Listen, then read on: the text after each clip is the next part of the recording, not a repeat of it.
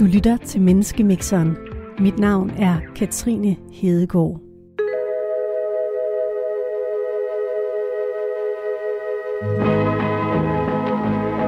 En skønhedsdirektør, en enke og en skovarbejder kommer ind på en bar. Eller, det vil sige, de kommer ind på en restaurant. Der er det vildt hyggeligt hernede. Skal, der, skal jeg rykke ind, eller hvad? Hej, mit navn er Mette Bording Nybo. Jeg er enke. Når jeg ser mig selv i spejlet, så ser jeg en person, der tror på kærligheden og friheden. Der står tre spillemaskiner i hjørnet, der dufter af Paris og bøf, og mågerne synger over bugten. Der var en, der fik jackpot der. Mit navn er Mikkel Rakib og Lille Sortstjerne.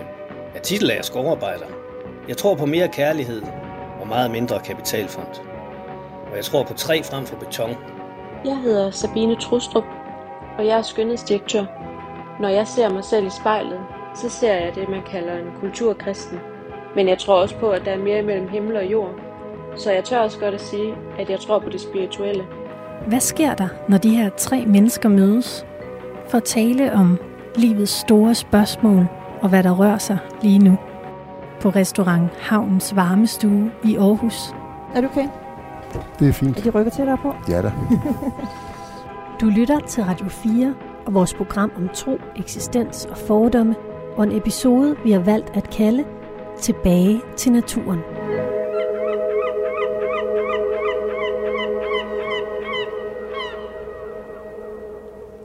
Så sidder vi her igen på en lille plet midt i universet. Mågerne, der lander her på tagene uden for vinduet en gang imellem, de hører engang naturligt til her i byen. Men de er efterhånden jagtet vildt af byboerne, fordi de skriger og skider ud over det hele. Har I fundet en plet til jeres kaffekop? Skal I lige have noget kaffe? Vi har taget noget kaffe til jer her. Værsgo. Vil du have noget kaffe, Celine? tak. Vi er nødt til at sådan have et uh, rimeligt omfattende net af ledninger liggende her midt på bordet for at kunne lave radio. Velkommen til, Tak. Tak. Tak for det og velkommen til dig, der lytter med. Det er netop blevet besluttet, hvor de her 10 nye naturnationalparker skal være i Danmark. Vilde parker, hvor naturen skal slippes fri og passe sig selv. Og det skal vi tale om nu. Vi skal tale om, om vi med de her naturnationalparker bevæger os i retning af, at vi som mennesker skal til at slippe vores behov for at styre alting og vende os til måske vores mere naturlige plads i fødekæden. Er I klar til at tale om det? Ja. Ja. Det er godt. Her i begyndelsen af programmet, Sabine, det er jo første gang, du er med. Ja. Der har vi altså sådan en lille seance, hvor I skal prøve at spore jer lidt ind på, hvem hinanden er. Måske vi skal starte med dig, Mikkel. Ja. Kan du prøve at gætte lidt på, du har mødt Mette før. Mig og Mette har mødt hinanden, ja. Hvem tror du, øh, Sabine er? Hvis jeg nu kigger på Sabine, så øh, er hun jo super imødekommende. Er meget på. Øhm, så jeg tænker, at Sabine kunne godt være en, som sådan er vant til at være ude og gøre sig til hos andre mennesker. Et prædikat, det kan jeg nok ikke øh, helt sætte.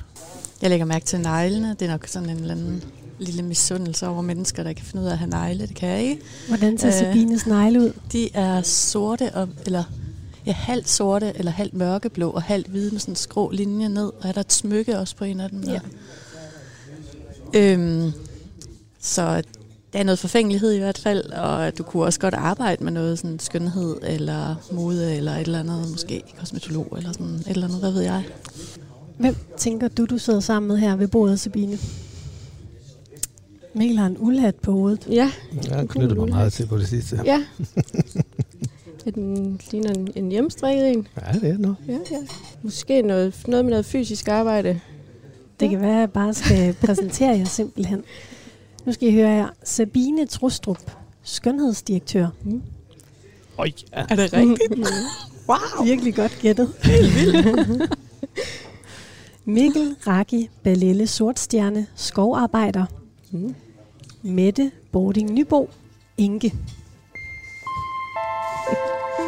Sabine Trustrup, skønhedsdirektør. Jeg fortæller lidt mere om dig. Ja. Hov, nu banker jeg ind i klaveret her. uddannet kosmetisk sygeplejerske, mm. sundhedsfaglig direktør og medejer af firmaet Luxuskirurgi, en virksomhed, der tilbyder alt inden for plastikkirurgi, plastikkirurgi bryst, bryn og balleløft med, med mere. Sabine, i dag skal vi jo tale om øh, naturen og vores måske nye måde at skulle være i naturen. Hvordan har du det, når du bevæger dig ud i naturen? Jeg er ikke det store naturmenneske. Jeg nyder naturen øh, i udsigten fra min stue. Jeg har udsigt ud over nogle marker. Jeg prøver faktisk helst at undgå at tage i skoven, at tage på tur ud i naturen. Jeg er, øh, jeg er bange for alt, hvad der rører sig i, i busk rundt omkring. øh, selv når jeg har min hund med, så er jeg bange, hvis jeg får forvildet mig i skoven alene. Jeg bor lige oppe af en dejlig skov ellers, men øh, det der med at tage vores børn med i skoven og ud i naturen og i det hele taget, det er noget, min mand han gør, og jeg tager kun med, hvis jeg egentlig bliver tvunget til det, var jeg lige vil sige. Ja. Det vender vi lige tilbage til. Ja. Mikkel Raki Balelle Sortstjerne, skovarbejder. Uddannet skovarbejder med eget firma. Udfører skov- og havearbejde. Tæmmer naturen i det daglige. Klipper hække, haver og hegn. Mikkel, kan du på samme måde som Sabine en gang imellem blive bange, når du står derude i skoven? øh, nej, det det... Øh.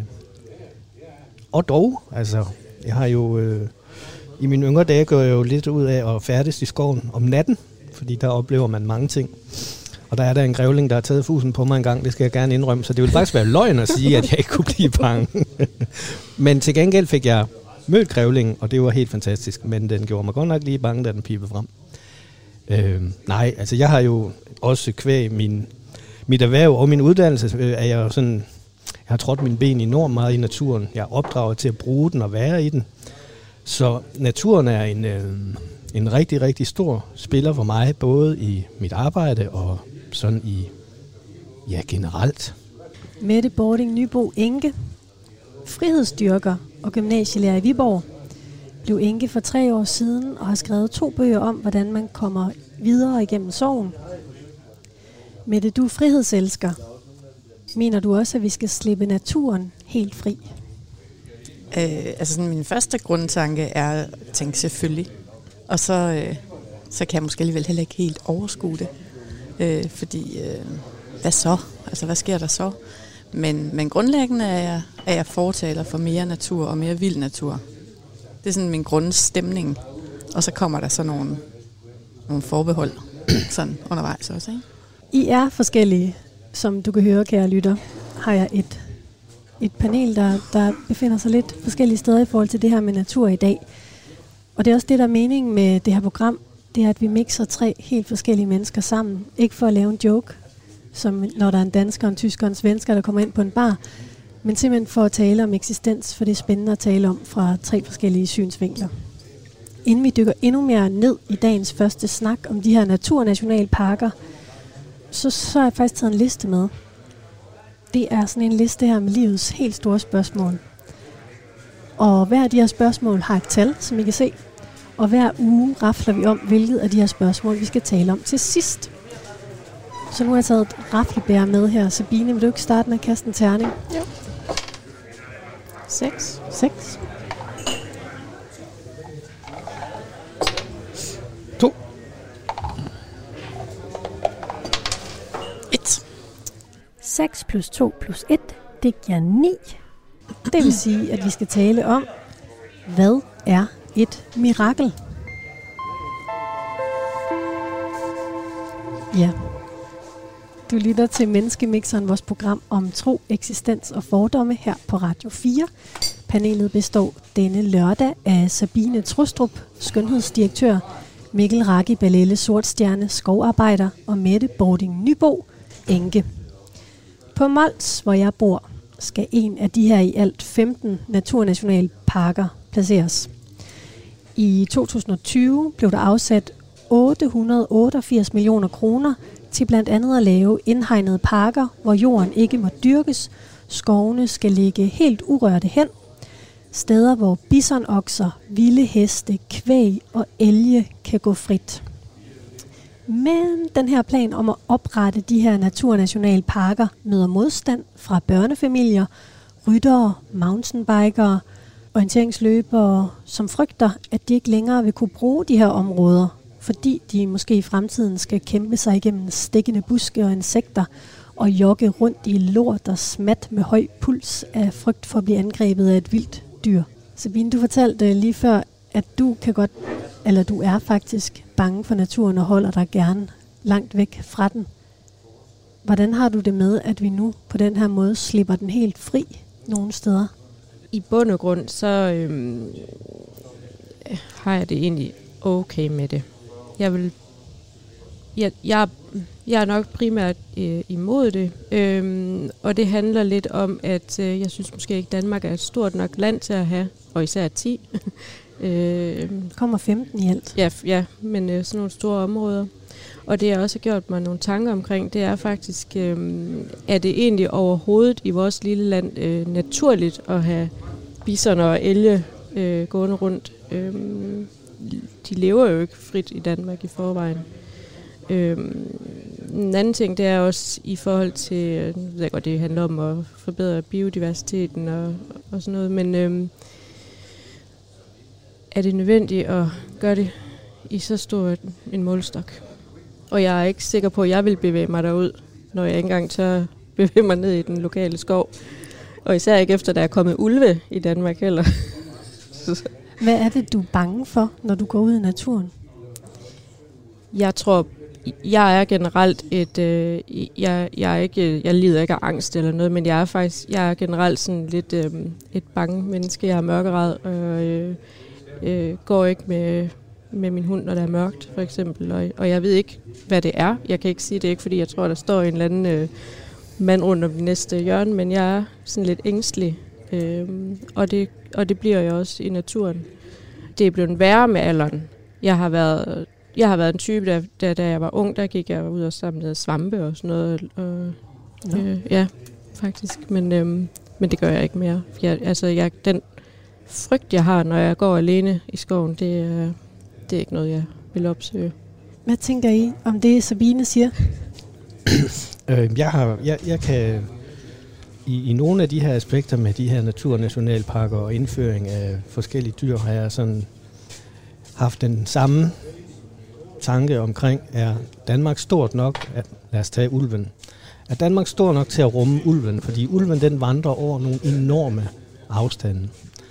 Øhm, og der synes jeg måske, at man har gået lidt for meget op i at hælde, særligt fra politisk side, man vil gerne have de her dyr. Der er jo oplevelsesøkonomi og vinderpoint i det med bisoner og elge. Jeg synes, og ulven. at sætte elge og bisoner ud, og sådan noget, det er jeg ikke så bekymret over. Men jeg synes, det er vildt vigtigt, at man har et meget, meget skarpt fokus på for eksempel ulven. At der kan man måske komme til at give sig selv et problem, som man ikke har taget højde for. Men Omvendt, den sætter man vel ikke ud i de her parker? Nej, men den, den, den, at den er her jo, og den er jo... Den er fredet. Den er fredet, og den er... Den ved godt, hvor tingene er. Omvendt kan man sige, at ulven kan være med til at regulere de dyr, man sætter ud. Personligt er jeg fortaler for rigtig meget af det her med de her naturparker, men jeg vil godt lige gå i rette med præmissen om, at vi sætter naturen helt fri. For det gør vi ikke. For vi hegner jo de her områder, fordi vi er stadig der, hvor at de her dyr, vi sætter fri, de må jo ikke komme ud og forstyrre landbruget. Så det er stadigvæk en natur, som er under vores kontrol på vores ønsker efter vores manifest. Så tanken om, og, og de ord, der også er blevet sat på af ministeren, hvor vi sætter naturen fri, det er lidt i min verden pap og papir. Gad du godt, at der ikke var noget hegn? Altså, at øh, det bare blev helt frit og vildt over det hele? Ja, det kunne være enormt fedt, men øh, så kommer vi til at skulle lægge hele vores samfund om, og det kan vi ikke. Vi kan ikke forene de ting. Du ryster på hovedet, Sabine. Det var ikke en tanke, der ville være rar i Det er vores land ikke stor nok til. Mm. Nej. Hvorfor? Det er sådan nogle dyr, de kræver. Det er meget mere, end vi kan tilbyde. Også ligesom du siger med vandre de vandrer. Det er jo ikke øh, savannen i Afrika, var jeg lige ved at sige. Men det kan være, at det skal til at blive det lidt mere måske. ved du hvad, det, ja, vi, nu sidder vi her på havnen i Aarhus ikke, og jeg ser på det her nye byggeri, og det stikker jo i en helt anden retning. Det er ikke forenligt, de to ting. Hvad tænker du Jamen. med det? Jamen, jeg kan jo ikke helt vildt tale det op, fordi Danmark er jo bare lille, og det er da tankevækkende, at vi er nødt til at have, have hegn, ikke også? Altså, vi kan jo bare ikke blive til Kanada. Altså, det, det, vi har ikke de der stepper.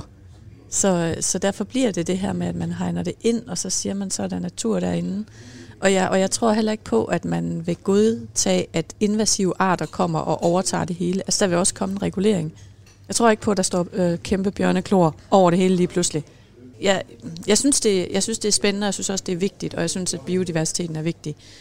Øhm, men det er, øh, det er noget lidt underligt noget. Vi bliver sådan lidt zoologisk haveagtigt, at nu laver vi det her hegn, og så har vi rigtig natur derinde. På Naturstyrelsens hjemmeside, der står der om begrebet natur. Ordet er et af menneskets ældste ord. Det danske ord stammer fra latin natura, som betyder at føde, og noget, der fødes, bliver til af sig selv. Ordet natur betyder altså noget, der bliver til af sig selv. Ideen med de her parker, det er, at naturen skal gå sin gang. Dyrene skal selv finde føde, og når de spiser det, der vokser, så ændrer naturen sig, og biodiversiteten opstår. Er det den rigtige natur i jeres øjne? Jeg synes stadigvæk, at det kan være gavnligt, at man har de her steder, hvor man kan opleve, og man kan tilbageføre.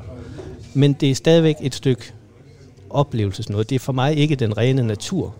Men det vil give en masse plads til en masse arter, som er ved at forsvinde, og det vil bidrage til noget rigtig godt for biodiversiteten. Hegnet er nødvendigt, så der ikke løber en ulv ud i din eller min have.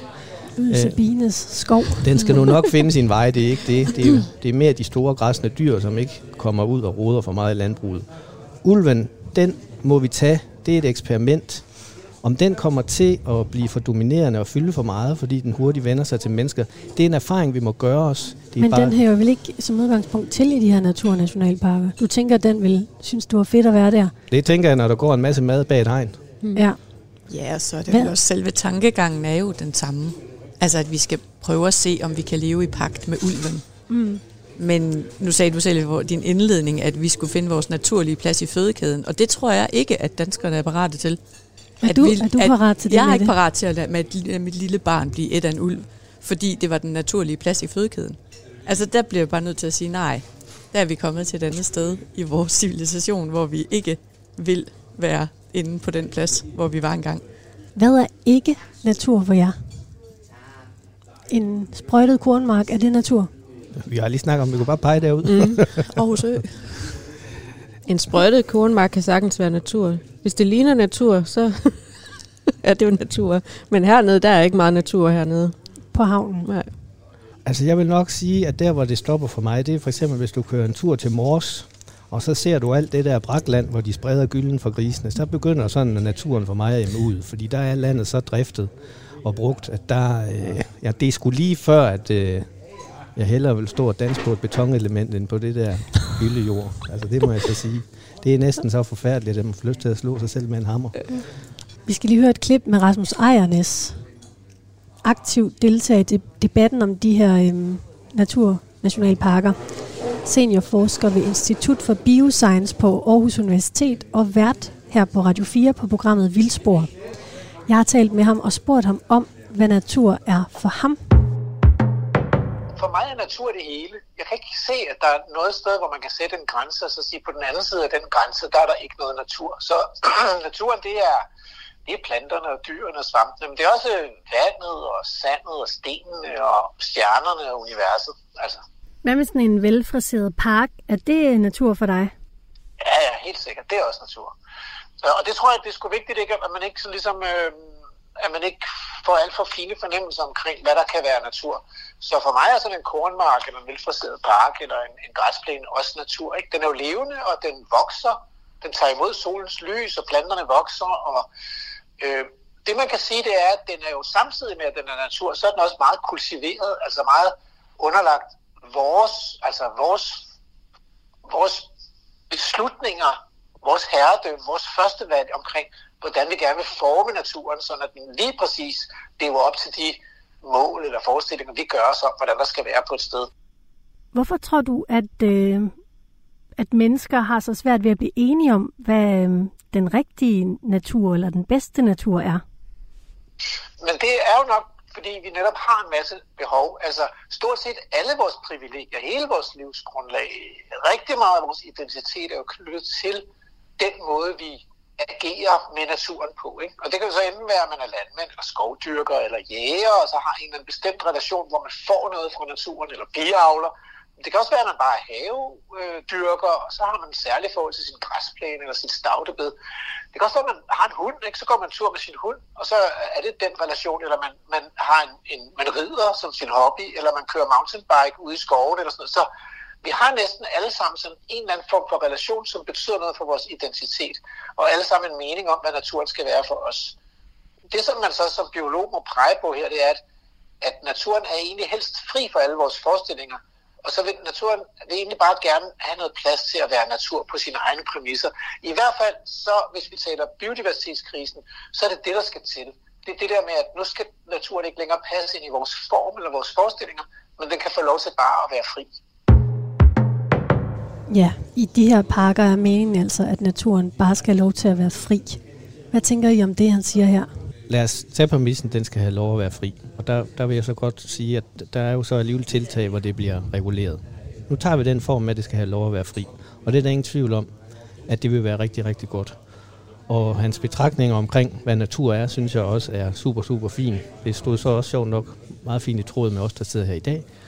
Øhm men man har, jo, man har jo også med de her parker været nødt til at lave nogle kompromiser.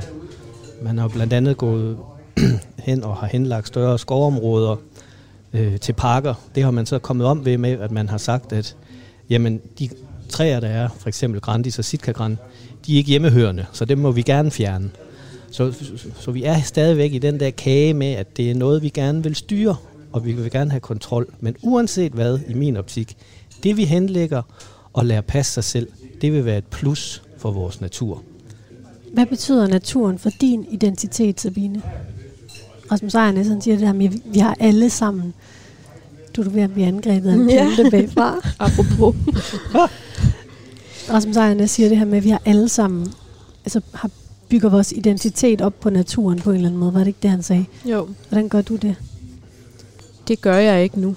Jeg bruger det ikke øh, på den måde. Jeg nyder udsigten, og jeg har bevidst købt en øh, udsigtsgrund øh, i mit lille nybyggerkvarter med små firkantede frimærkehaver alle sammen. Jeg, jeg tror, jeg har faktisk har brugt naturen til at komme derhen til. Jeg er for eksempel hestepige, og det er jo meget i naturen. Jeg kommer fra Skive af. Jeg bor nu i øvrigt her i, omkring Aarhus, øhm, men jeg har brugt øh, naturen der meget øh, omkring Skive øh, til at ride i det der, og det har jo været med til at opbygge min identitet. Øh, men nu bruger jeg den ikke mere. Det er ikke øh, bydende nødvendigt for mig. Hvad er det, der er sket i dit liv, siden du er gået fra at være svampeplukker til at frygte at være ude i skoven? Jeg tror, det handler om prioriteter. Var det da du begyndte at få Botox? Nej. Nej, det var det ikke det, det, er jo, det er egentlig længe, længere før det. Jeg tror, øh, der skete noget, da jeg, øh, da jeg fik børn. Øh, min, øh, min ældste bliver 13 i år, og øh, jeg, jeg, jeg blev mere øh, beskyttende, tror jeg. Mere øh, den der frygt, også det der med, at jeg bryder mig ikke om at være alene hjemme, og bryder mig ikke om mørket og sådan noget. Det er ikke fordi, der er ikke, der er ikke sket noget nogensinde. Men det er bare, øh, det, det handler mere om øh, at beskytte noget, tror jeg. Øh, og passe på, og passe på mig selv, og passe på mine børn. Jeg tror, det er det. Og så holder jeg mig inde i stedet for. Sådan for Gud, den vilde, farlige natur. Jamen, det gør deres far jo med dem. Ja. Hvad tænker I om det, Sabine siger? Jeg er glad for, at jeg ikke har det sådan. ja, det tænker jeg. Ja. Jeg kan sagtens genkende det der med, at, at det ændrer noget, når man bliver forældre. Altså fordi man lige pludselig skal, altså har ansvaret for et, et andet væsen og flere andre væsener. Og så hvad kan der komme udefra? Men jeg føler mig grundlæggende tryg i naturen. Øhm, jeg vil sige, hvis jeg er bange for noget i naturen, så er der at blive væk. Altså den der følelse af, at, øh, at der er Danmark alligevel ikke større, end at jeg tror godt, jeg kunne gå i ring rimelig længe ind i Roldskov. Øh, eller en anden skov, eller cykle rundt på min mountainbike og ikke finde vej. Det er altid det, jeg er mest bange for. Det er, at jeg skal rådne op derude. At jeg ved, at jeg kan ikke klare mig i naturen. Det er sådan lidt... Det synes jeg er sådan lidt patetisk, men, øh, men det er bare... Det, det, det er ikke noget, der sådan... Jeg er ikke bange for selve naturen. Jeg er mere sådan skuffet over mine egne manglende kompetencer, tror jeg, til at begå mig der. Det er egentlig sjovt, du siger det. Jeg vil aldrig frygte at blive væk, uanset hvor jeg stod henne. En, jeg vil altid kunne finde hjem, det, jeg, det er jeg sikker Ja. på. Bare tage din iPhone op i lommen. Ja, nej. Nej, jeg har en rigtig god stedsans, faktisk. Ja. ja. Jeg er jo også opvokset i Skive øh, med Krabsholmskov deroppe, så, øh, og boede lige oppe bagved. Så øh, ja, ja. Det er, jeg har bare ændret mig der. Men det der, det vil jeg aldrig være bange for. Det er klart min største frygt. Ja. Det er at blive væk. Ja. Hvordan bygger du din identitet op på, omkring naturen? Øhm, Du siger, det var mountainbiker. Ja, mountainbiker og vandrer, øh, søger naturen og elsker at være ude i naturen. Og faktisk lidt dobbelt med det med, med mountainbikespor, det er jo eksploderet i Danmark. Og det er noget af det, der netop er problemet her med de her parker, fordi nogle af dem så er inde, hvor der, man nu vil lave naturnationalparker, og så vil de her spor blive ødelagt, som der er mennesker, der har lagt tusindvis af timer i at lægge øh, og anlægge, og der er lagt rigtig mange penge i det. Og så lige pludselig, så, så vil dyrene komme til at ødelægge de her spor. Det må jeg godt lige gribe den der. Fordi apropos naturen, så faktisk noget af det, man skal lære sine børn, når man færdes ud i skoven, det er at være opmærksom på mountainbike-kører. Der sker noget med specielt mænd, når de får sådan en cykel mellem hænderne, og de får deres uniform på. De bliver cirka 1000 gange så farlige som både en bison og en elg. Det er fuldstændig vanvittigt, og det er også derfor, man har været nødt til at sætte det under ordnede forhold. Fordi når der kommer sådan en mountainbiker med 45 km i timen og har lavet sig selv om til 10 gange Ivanhoe, så er han livsfarlig. Og jeg har jeg er fuldstændig med på, at mountainbike i skoven er super fedt. Men apropos, hvad vi sætter ud af dyr, så har vi også sluppet alt for mange mountainbikere ud i naturen. Altså uden pis. Man skal, have, man skal have en pind med i skoven, når der er farlige dyr, men det skal man også, når der er mountainbikere. Det vil jeg bare sige. Der kan jeg godt... Og, ja, Men det er altså også meget de der spor der, som, fordi de er så anlagt, så man er nødt til at bare give den fuld æder, fordi man ved, de er i orden. Ja. Ja. Hvor før, hvor der var rød, og man kunne glide på meget mere, Jamen, det er helt og så rigtigt. videre. Altså, det har helt klart sat tempoet op, at man har lavet de der baner. Der er kommet en kage op i vindueskarmen. Skal I have et stykke? Mm. Ja, tak. Så vil jeg lige fortælle dig, kære lytter, at du lytter til Menneskemixeren, vores program om tro, eksistens og fordomme her på Radio 4. Panelet består i dag af Sabine Trustrup, skønhedsdirektør, Mikkel Rakke Balele Sortstjerne, skovarbejder, Mette Bording Nybo, Enke. Nu skal vi faktisk høre endnu et klip med Rasmus Ejernes, seniorforsker ved Institut for Bioscience på Aarhus Universitet og vært her på Radio 4 på programmet Vildspor. Jeg har nemlig også spurgt ham om, hvorfor han tror, at nogle mennesker kan have sværere ved at slippe naturen fri end andre. Jamen, det tror jeg måske, at, at det, det kan være meget provokerende for vores, for vores forestillinger om os selv og vores plads i verden, at slippe naturen fri. Ikke? Øh, hvis man nu er dyrlæge, så har man bygget en forestilling op om, at man, man skal ligesom redde dyrene, når de har det skidt. Og så er, så er det bare en vild provokation, at der kommer nogen, og så siger, prøv at dyrene vil egentlig gerne være fri for at blive reddet. De vil egentlig bare gerne leve deres eget liv, uden at vi blander os i det hele tiden. Fordi så er, der jo, så er dyrlægerne jo pludselig overflødige, i hvert fald i den kontekst. Og det der med at blive overflødig, det er nok noget af det, der er allersværest for os mennesker. Altså, så man, ja, mange mennesker kan blive rasende over, at det ligesom ikke handler om dem og deres behov, men at nu, nu, er det, nu er det egentlig noget andet, der er på spil her. Nu handler, de, må, de er velkommen til at komme i naturen, i den vilde natur, og være gæster og være vidner til det, der sker. Men det sker ikke for deres skyld, og det sker ikke på deres præmisser, og de kan ikke stille krav og have bestemte forventninger til, hvordan det skal være. Det synes jeg i hvert fald er noget af det, der har været på spil i forhold til de danske naturnationalparker, eller bestræbelsen på at få vild natur i Danmark. Livet det er sgu hårdt, altså. Og man risikerer at dø af det. Ja, livet er hårdt, og man risikerer at dø af det. Rasmus Ejnes siger altså, at vi som mennesker kan have svært ved tanken om det her med at blive overflødige. Vil I give ham ret i det? Det kan jeg ikke helt følge. Jeg tror, det er det der med, at meget af det, der har været, har jo også været folk, som har været lokalt forankret, og som har måske et helt liv i de her områder, som pludselig, kan man sige, i gåsøjne bliver taget fra dem, og de skal til at komme der på en ny måde. Øhm, Men du er overflødet på den måde, at du ikke øh, kan styre den længere. Du fik at vide som skovarbejder, nu må du ikke klippe hæk længere. jo, men det, det er så en ting, og derfor kan jeg jo godt forstå, øh, at der er nogle skovarbejdere i Kompedal, som stiller lidt spørgsmålstegn ved, er det, kan det nu være rigtigt? Men jeg tror, det almen, så er det mere det der med, jeg tror ikke, det er det der med, at vi bliver overflødige, eller vi skal styre noget. Nej, det handler om, at hvis vi skal gebærde os der, så skal vi være der på naturen og dyrenes præmisser, hvor vi før har været vant til, at stierne var anlagt, og der var ryddet op, og dem af den gamle skole, de står jo fuldstændig af, når man i dag skal efterlade øh, grenaffaldet i skoven, fordi det ser jo ikke pænt ud, vel? Nej, ordnung muss sein. Det er jo en anden måde, man i de her områder skal til at gebære sig på, og det er en anden måde, man skal opleve at være i naturen på. Og det kræver en stor, stor omstilling, og det kræver særligt en omstilling for dem, som har været vant til at have deres daglige gang og deres daglige stier og har alle deres minder i de områder, fordi det bliver slettet med et pennestrøg. Men jeg tror ikke, det handler om, at man bliver overflødet. Jeg tror, det handler om, at man skal til at gebære sig på nogle andre præmisser, end man er vant til. Altså, der er vel også en eller anden form for menneskeliggørelse af dyrene. Altså, det er vel det, der ligger i det også. Altså, at der er nogle dyr, der er højt, der er højt hierarkiet. Altså, de fleste er jo ligeglade med, om der er en flue, der dør.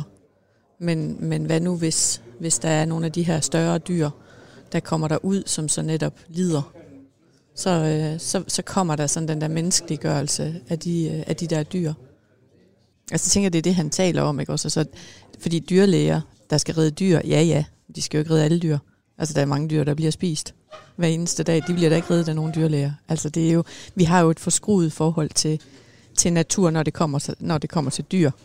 Hvordan vil du have det, Sabine? Hvis man gik hele vejen og sagde, nu skal der være vild natur over det hele. Jeg kan faktisk godt mærke, at jeg er sådan lidt både for og imod, øh, fordi et eller andet sted er jeg for det, men på den anden side, så synes jeg også, at det skal styres en lille smule, fordi øh, der skal ikke rende pisser nok så rundt i øh, vilde kvarter. øh, Hvorfor ikke? jamen, hvorfor? Altså, hvad, hvad skal de til derfor? Altså, det er jo ikke noget, øh, bare at se, hvordan øh, ræve de lever øh, jagtet rundt og har, og altså, hvad, hvad, øh, jeg kan ikke se nogen mening med det. Det er jo ikke et godt liv verden for dem eller os at skulle gøre, være på den måde, vel? Og i øvrigt så vil børn og andre mennesker, der er bange for sådan noget, eller ikke lige trives i det. Men skal vi ikke til at vende os til en anden måde at være i verden på, hvis øh, vi skal have vendt den her miljøkrise, vi står i, til at revidere den plads, vi selv har i hierarkiet? Selvfølgelig skal vi det, men igen, så øh, ja, Danmark er bare mega lille. Altså, det, man bliver også nødt til at kigge ud over vores egne landegrænser, og, og hvad gør andre mennesker? Vi Er skal det lige jo starte præcis- et sted. Og det, Altså, og det gør vi. Det gør vi jo også med det her, og det er fint nok. Men man behøver ikke at tage det skridtet videre. Vi behøver ikke at lade landet gro fuldstændig til, bare fordi... Altså, Så skal alle også, øh, skal vi til at lære vores børn at skyde. Ja. Og sådan, altså bes- bes- forsvare sig selv, og så bliver det lige pludselig sådan, skal vi alle sammen være jæger? Og sådan. hvad er der galt med det? Ah, nej, Ej, det, det synes jeg, at der er visse områder i verden, hvor de har fri adgang til våben, hvor det ikke er sådan helt vildt godt. Når man bevæger sig ud i det her parker, så handler det jo om, at man skal til at gebære sig på og i naturens rammer. Øhm, det har jo allerede set ude på Mols, hvor Katrine kommer fra, at øh, der har nogen, der har været ude og svire med den lille søde krøllede hund uden snor, og som har fået hisset noget kvæg op. Og det bryder det der kvæg sig ikke om. Og så noget kvæg, det er altså stort. Og der er jo altså blevet trumlet, i hvert fald den store sag var en dame, som kom meget, meget galt afsted. Og der er jo nogle nye rammer, man skal se til. Kommer man så også pludselig ud, hvor der er vilde heste eller andet. Man skal simpelthen til at have et nyt opdrag i, hvordan man gebærder sig i naturen. I hvert fald, når man stikker, og hvis man stikker snuden ind i de her parker. Sabine, hvad tænker du om det, Mikkel siger her? Nu, nu du fortalte, at du gerne vil skærme, eller efter du er blevet mor, så er du blevet mere opmærksom på alle de farer, der er ude i naturen. Hvad tænker du om, at øh, du måske, der er nogle kompetencer, dine børn ikke får, fordi du ikke tager dem med ud i naturen? Så de lærer ikke, hvordan de skal gebære sig i sådan en naturnationalpark her. Jeg tænker faktisk lige over det, du sagde før med, at man skal, man skal til at øh, øh, opføre sig anderledes. Man har jo også et ansvar for at opføre sig ordentligt, når man er sådan et sted. Ikke? Altså, man, øh, apropos, jeg vil aldrig lade min hund løbe rundt sådan et sted blandt vildt kvæg. Øh, det ved jeg godt, at det ikke er alle mennesker, der har det sådan, men, men der, der er man jo også som voksen, og, der, og, og jo et menneske medansvarlig for, at sådan nogle situationer, de ikke sker. Netop ved at prøve at foregribe Jamen, det, det fordrer jo bare, at du ved det, fordi hvis ikke du er vant til, lad os tage her under corona, der var jo for eksempel pludselig rigtig, rigtig mange mennesker, der kom ud i naturen og skoven, og som ikke anede, hvordan de skulle opføre sig. Mm. Og helt, en lille ting, at for eksempel hvis man ikke lige der var et lokum derude, så man begyndte jo rent faktisk at have så meget menneskelig afføring ude i skoven, at det blev et kæmpe stort problem.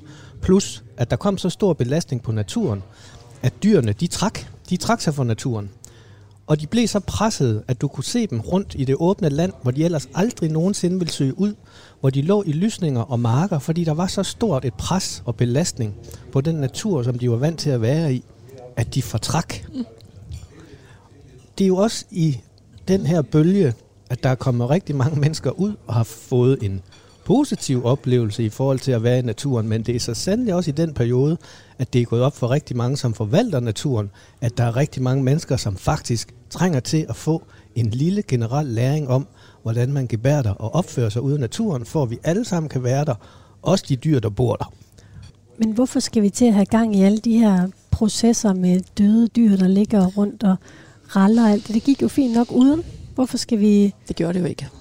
Det er jo det der med biodiversiteten. Det er jo den opmærksomhed på, hvor mange dyrearter, der er uddøde, der har gjort, at, øh, at man har fået det her fornyet fokus på det. Men kan man ikke lave sådan lidt... Det er jo meget voldsomt, for eksempel børn, at støde ind i sådan en hest, der ligger ved at dø. Kan man ikke prøve at gøre det lidt mere ordnet forhold? Hvorfor skal det ske offentligt, ude hvor alle kan komme forbi? Ja, altså det, det tror jeg, det, det er jeg sådan lidt ligeglad med, det må jeg sige. Altså der, jeg, er heller ikke, jeg var heller ikke farvet over, at øh, Zoologisk Have øh, viste, hvordan de dræbte det her, den her lille giraf. Hvorfor ikke? Marius. Jamen fordi, det jo, det, altså, det er jo føde. Altså der, der, der, der tror jeg nok, jeg har bare et, jeg har et hierarki, hvor jeg ikke har dyrene op på det menneskelige øh, niveau. Øh, det betyder ikke, at jeg synes, ikke synes, man skal behandle dem ordentligt, men øh, ja, nej, det, jeg, jeg tror ikke, jeg, jeg synes ikke, det er så provokerende, men jeg synes heller ikke, det skal være direkte forbudt at, at ligesom hjælpe et nødstedt dyr, altså ligesom hvis man har påkørt et, et dyr, man så slår det ihjel for, at det ikke skal lide, det synes jeg jo, det skal jo ikke være ulovligt. Så, men, men det skal heller ikke være sådan, at man så melder nogen til noget, fordi man har stødt ind i det tilfældigvis med sine børn, og det måtte mine børn ikke se. Der synes jeg også lige, at folk skal slappe lidt af. Ja, det kan godt være, at det er en, en hest, men den er her altså på lige vilkår med jorden. Så, så der, der, der, det er jo følelser. Det er jo følelser, der skal tages hånd om, og det er følelser, der skal bearbejdes. Jeg tror på, at efter x antal år, så vil den andel af befolkningen få en kæmpe stor oplevelse ud af at kunne komme ud i de her naturparker og måske møde de her dyr. Vi må se, om øh, vi har held med at genskabe de her natur, den her vilde natur i de her naturnationalparker, om vi nogensinde bliver enige om at finde glæde og ro i den her vildskab, der følger med. Skal I have noget mere kaffe? Har I fået nok kage? Ja, tak. tak. Ja, Ja, det er fint. Det er godt. Du lytter til Menneskemixeren på Radio 4.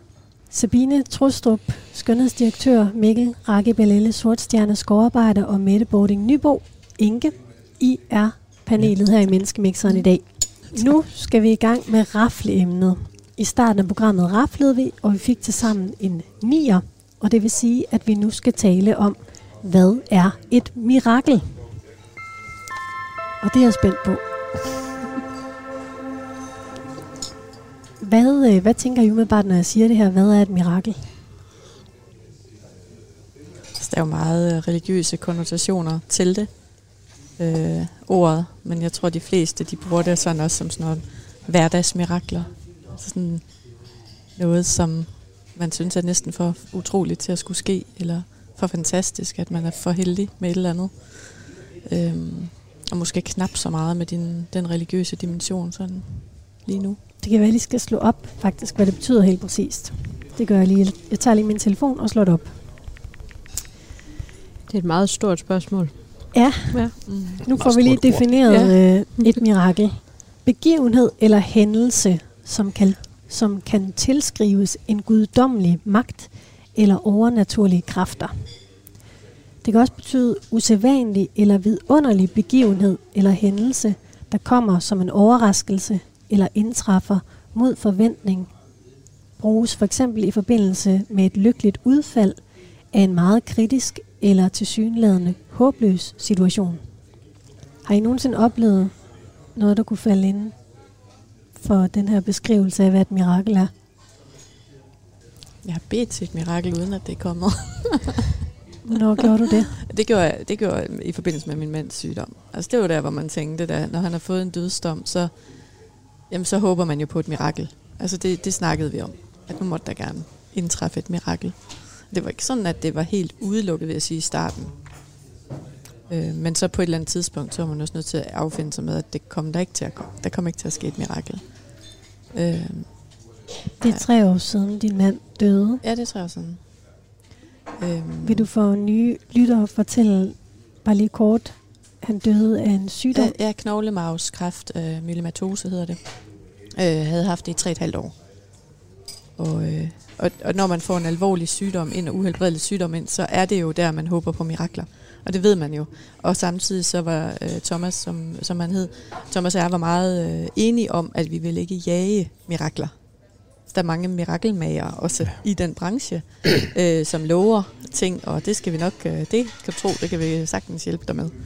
Øh, så på den måde var vi også ret øh, rationelle øh, i det. Men det betyder jo ikke, at vi ikke håbede på, ønskede, at man kom op, og så, og så var der sket det mirakel, at lægerne stod og kiggede på tallene og sagde, det var da utroligt. Øhm, jeg har også prøvet det, jeg har også en søn, der har et handicap, og der tog vi faktisk i, i Pinsekirken, fordi vi tænkte, vi var ikke øh, religiøse, men det skulle ikke lægge ham til last. og så tænkte vi, der kom en mirakelmager fra USA, og han sagde, at, øh, at han kunne få lamme til at gå, og vores søn han havde, han havde, var, havde lammet sig ned i benet. benet. Så der, der var vi der, og ligesom bad for et mirakel, og virkelig prøvede på at være åbne for det. Men det kom ikke. så jeg har stadigvæk til gode oplevet sådan en rigtig guddommelig mirakel. Så han er stadigvæk lammelse. Han er stadigvæk lam. Det var helt tilbage, da han var et år, at vi var afsted med ham. Ja. Du siger, I var enige om ikke at jagte mirakel, miraklet. Hvorfor? Jamen, det var fordi, vi vil, så vil vi hellere jagte hverdagsmiraklerne, tror jeg. Altså, så vil vi hellere dyrke det, som, som vi vidste, vi havde, i stedet for hele tiden at håbe på noget, som vi måske ikke kunne få. Så det, øh, det vil vi hellere give plads. Og jeg synes egentlig, vi har været rigtig gode til i vores øh, ægteskab og, og netop nyde de hverdagsmirakler. De fleste synes også, det er et mirakel, når man får et barn. Det synes jeg virkelig også, det er. Altså, det er jo helt utroligt. Øh, et barn, der kommer til verden. Men det er jo ikke en, en overraskelse eller noget, hvor man, man ikke havde forventet, eller hvad man kan sige, men det er jo stadigvæk noget, hvor man kan blive helt målløs over, at det findes. Og det synes jeg, det, det tror jeg, vi som mennesker har godt af at dyrke sådan hverdagsmirakler. Jeg synes, kærlighed er et kæmpe mirakel. Det hænger jo også sammen med håb. Altså. Men, men det er rigtigt nok, altså den der den situation, hvor man griber efter miraklet, er jo som regel, hvor man er presset på den ene eller den anden måde.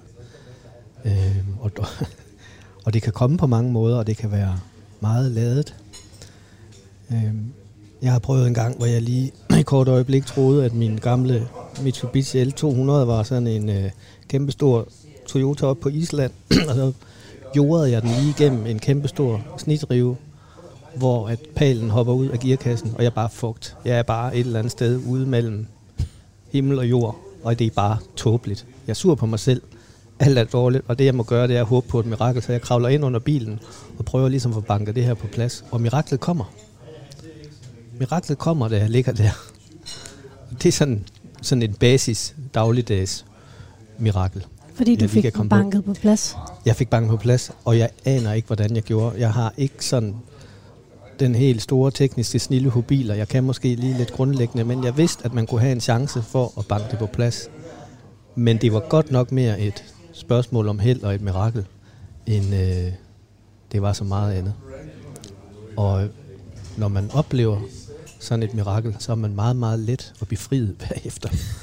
Og det viser også meget godt, hvor subjektivt det er. Præcis. Mm. Fordi Altså, altså, for det- os det- andre så er det sådan lidt, ja, ja, altså Jamen, du fikset det- din bil, Det er okay. der, jeg gerne vil hen, at, at, at, at det er så stor en størrelse, og den er så definerbar, men den følelse, det kan give, tror jeg er ens for os alle. Mm. Men produktet er utrolig varieret. Ja. Det er jo en slags medvind mirakel. Ja, Jamen, det er det når du lige siger det der. Ja.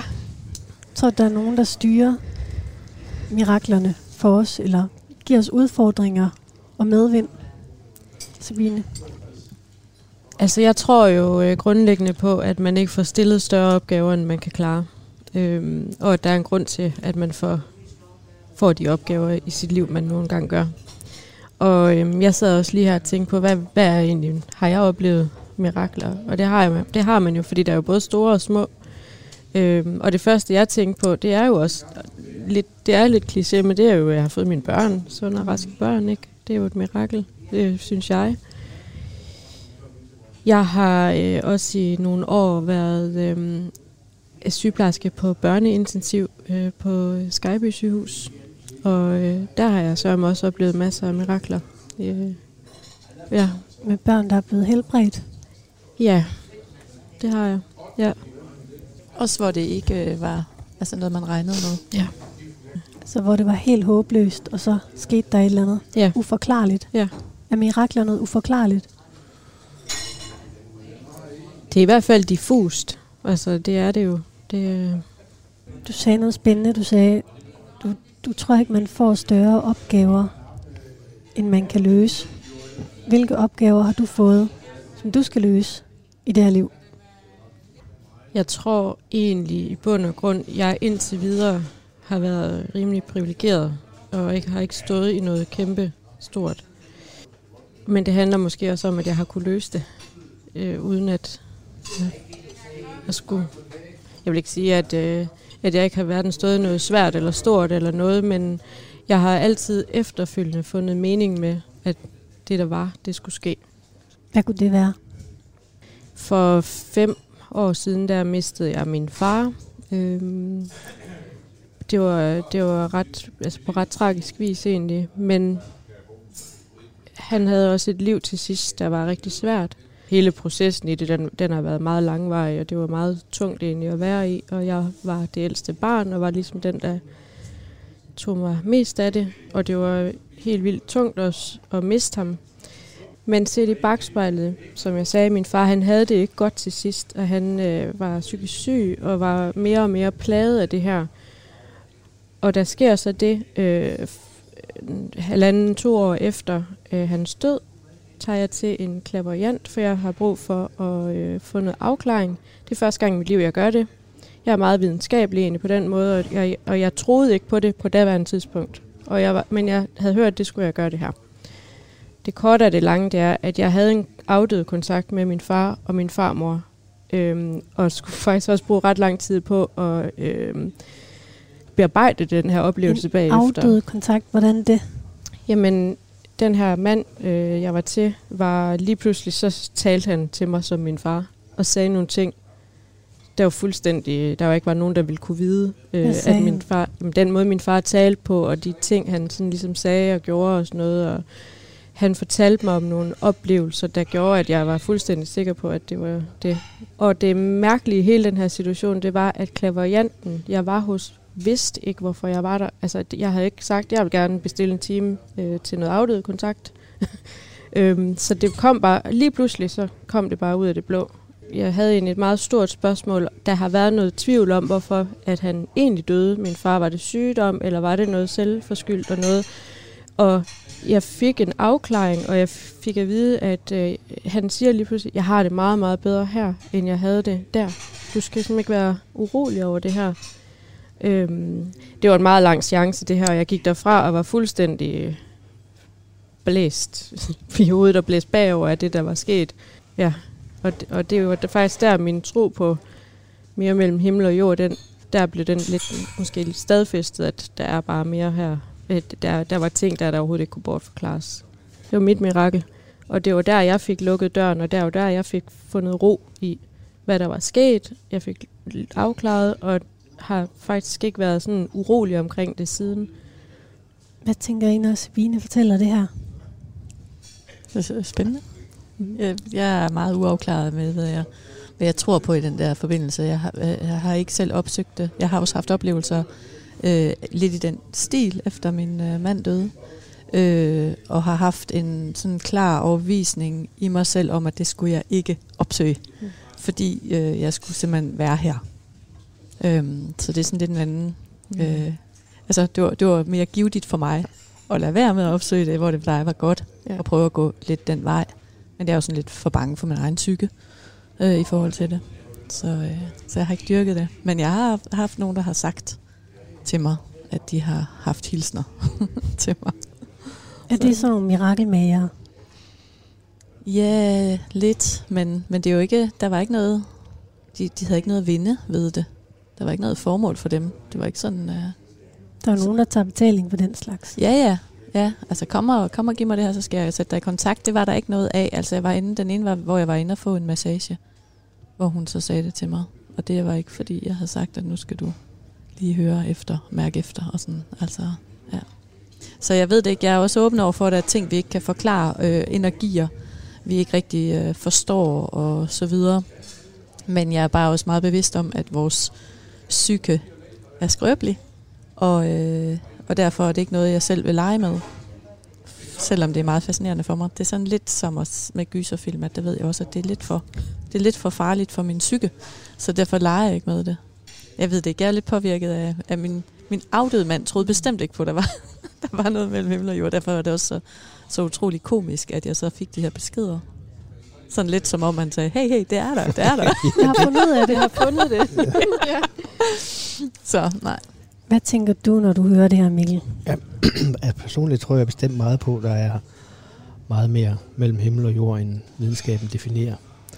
Også linket op til naturen sådan set. Øh, jeg synes, det er en rigtig god øh, tanke, det her med, at man skal gøre sig klart, hvad det er, man går ind til, hvis man træder ind i alle de her seancer. Det er altså både... Til en mirakel mere. Ja, fordi netop som der bliver sagt, det kan åbne nogle porte, som man slet ikke er bevidst om, man har. Øhm, og det skal man jo gøre sig klart. der findes jo et hav af alle mulige seancer, hvor man kan gå ud og grounde sig eller sætte sig fri, og det er lige meget, om det er tørret fluesvamp eller hvad fanden det er. Uanset hvad man gør, så skal man stille sig klart, at når man står på den anden side af døren, så kan det være, at man er et helt andet menneske, mm.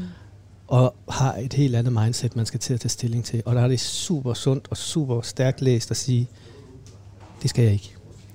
Og der vil jeg nok sige, at jeg kan se mig lidt omkring, at der er nogen, der måske lidt for tit våger sig ud, fordi nu skal de bare dit og dat, og så ender de faktisk nogle gange med at være endnu mere lost, mm. end da de stod ude for en, den dør. Så jeg synes, det er en mega, mega stærk øh, observation, det her med, at man skal godt nok lige være sikker på, at man går den vej, inden man gør det. Jeg har været så spændt på, at I tre skulle møde hinanden her i dag i varmestuen. Og nu er det efterhånden også ved at tynde ud med folk herinde. Hvordan har det været for jer at være med i dag i programmet? Hvordan har det været for dig, Sabine? Det var første gang. Ja, det var min første gang. Jamen enormt interessant og spændende, og det er jo altid spændende at møde andre mennesker. Og selvom jeg er bange for at gå i skoven, så er det jo ikke sikkert, at jeg er så meget forskellig end, end de andre to på den måde. Hvordan har det været for jer to? Mette og Mikkel? Jeg tænker Sabines øh, sådan tanke om, at naturen, fint nok, den skal bare ikke lige være i Danmark-agtig, den, der, der er jeg nok ret uenig i forhold til, at jeg synes, det er vigtigt, at vi prioriterer det og, og undersøger alle de her ting. Sjovt, spændende, altid spændende. Man ved slet ikke, hvad man, hvad man selv tænker, før man så er i gang med det. Det er jo spændende. Jamen altså, jeg har jo som sædvanligt haft en, en dejlig tur hernede på havns varmestue. Og til stadighed kan jeg rigtig godt lide at sætte mig selv i spil på den her måde. Det er noget andet end at slæve beton, eller skove en pind, eller grave et hul, eller tegne tegning til et skur.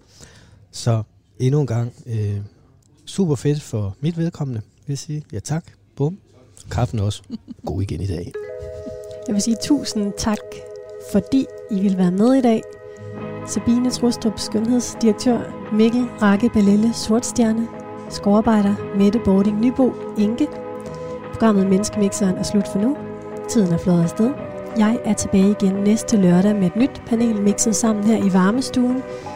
Musikken, du hører her under min stemme, er komponeret af Steffen Nordenstam. I redaktionen sidder researcher Gitte Smedemark og redaktør Gry Brun Mathisen. Du kan finde programmet som podcast i vores Radio 4-app. Mit navn er Katrine Hedegaard. Tak fordi du lyttede med, og tak til jer tre. Selv tak.